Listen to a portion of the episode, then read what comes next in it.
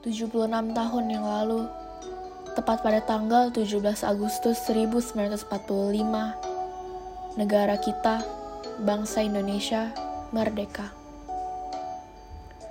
Setelah segala pengorbanan, tumpah darah, dan perjuangan, akhirnya negara kita merdeka. Terbayarlah semua usaha pahlawan-pahlawan kita untuk memperjuangkan kemerdekaan bangsanya bangsa Indonesia.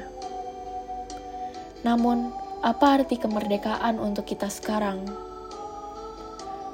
Di masa pandemi ini, banyak sekali rintangan yang harus kita hadapi, mulai dari virus yang membahayakan, sekolah, pekerjaan, tidak bisa bertemu teman dan keluarga, dan semua hal yang harus berbasis online.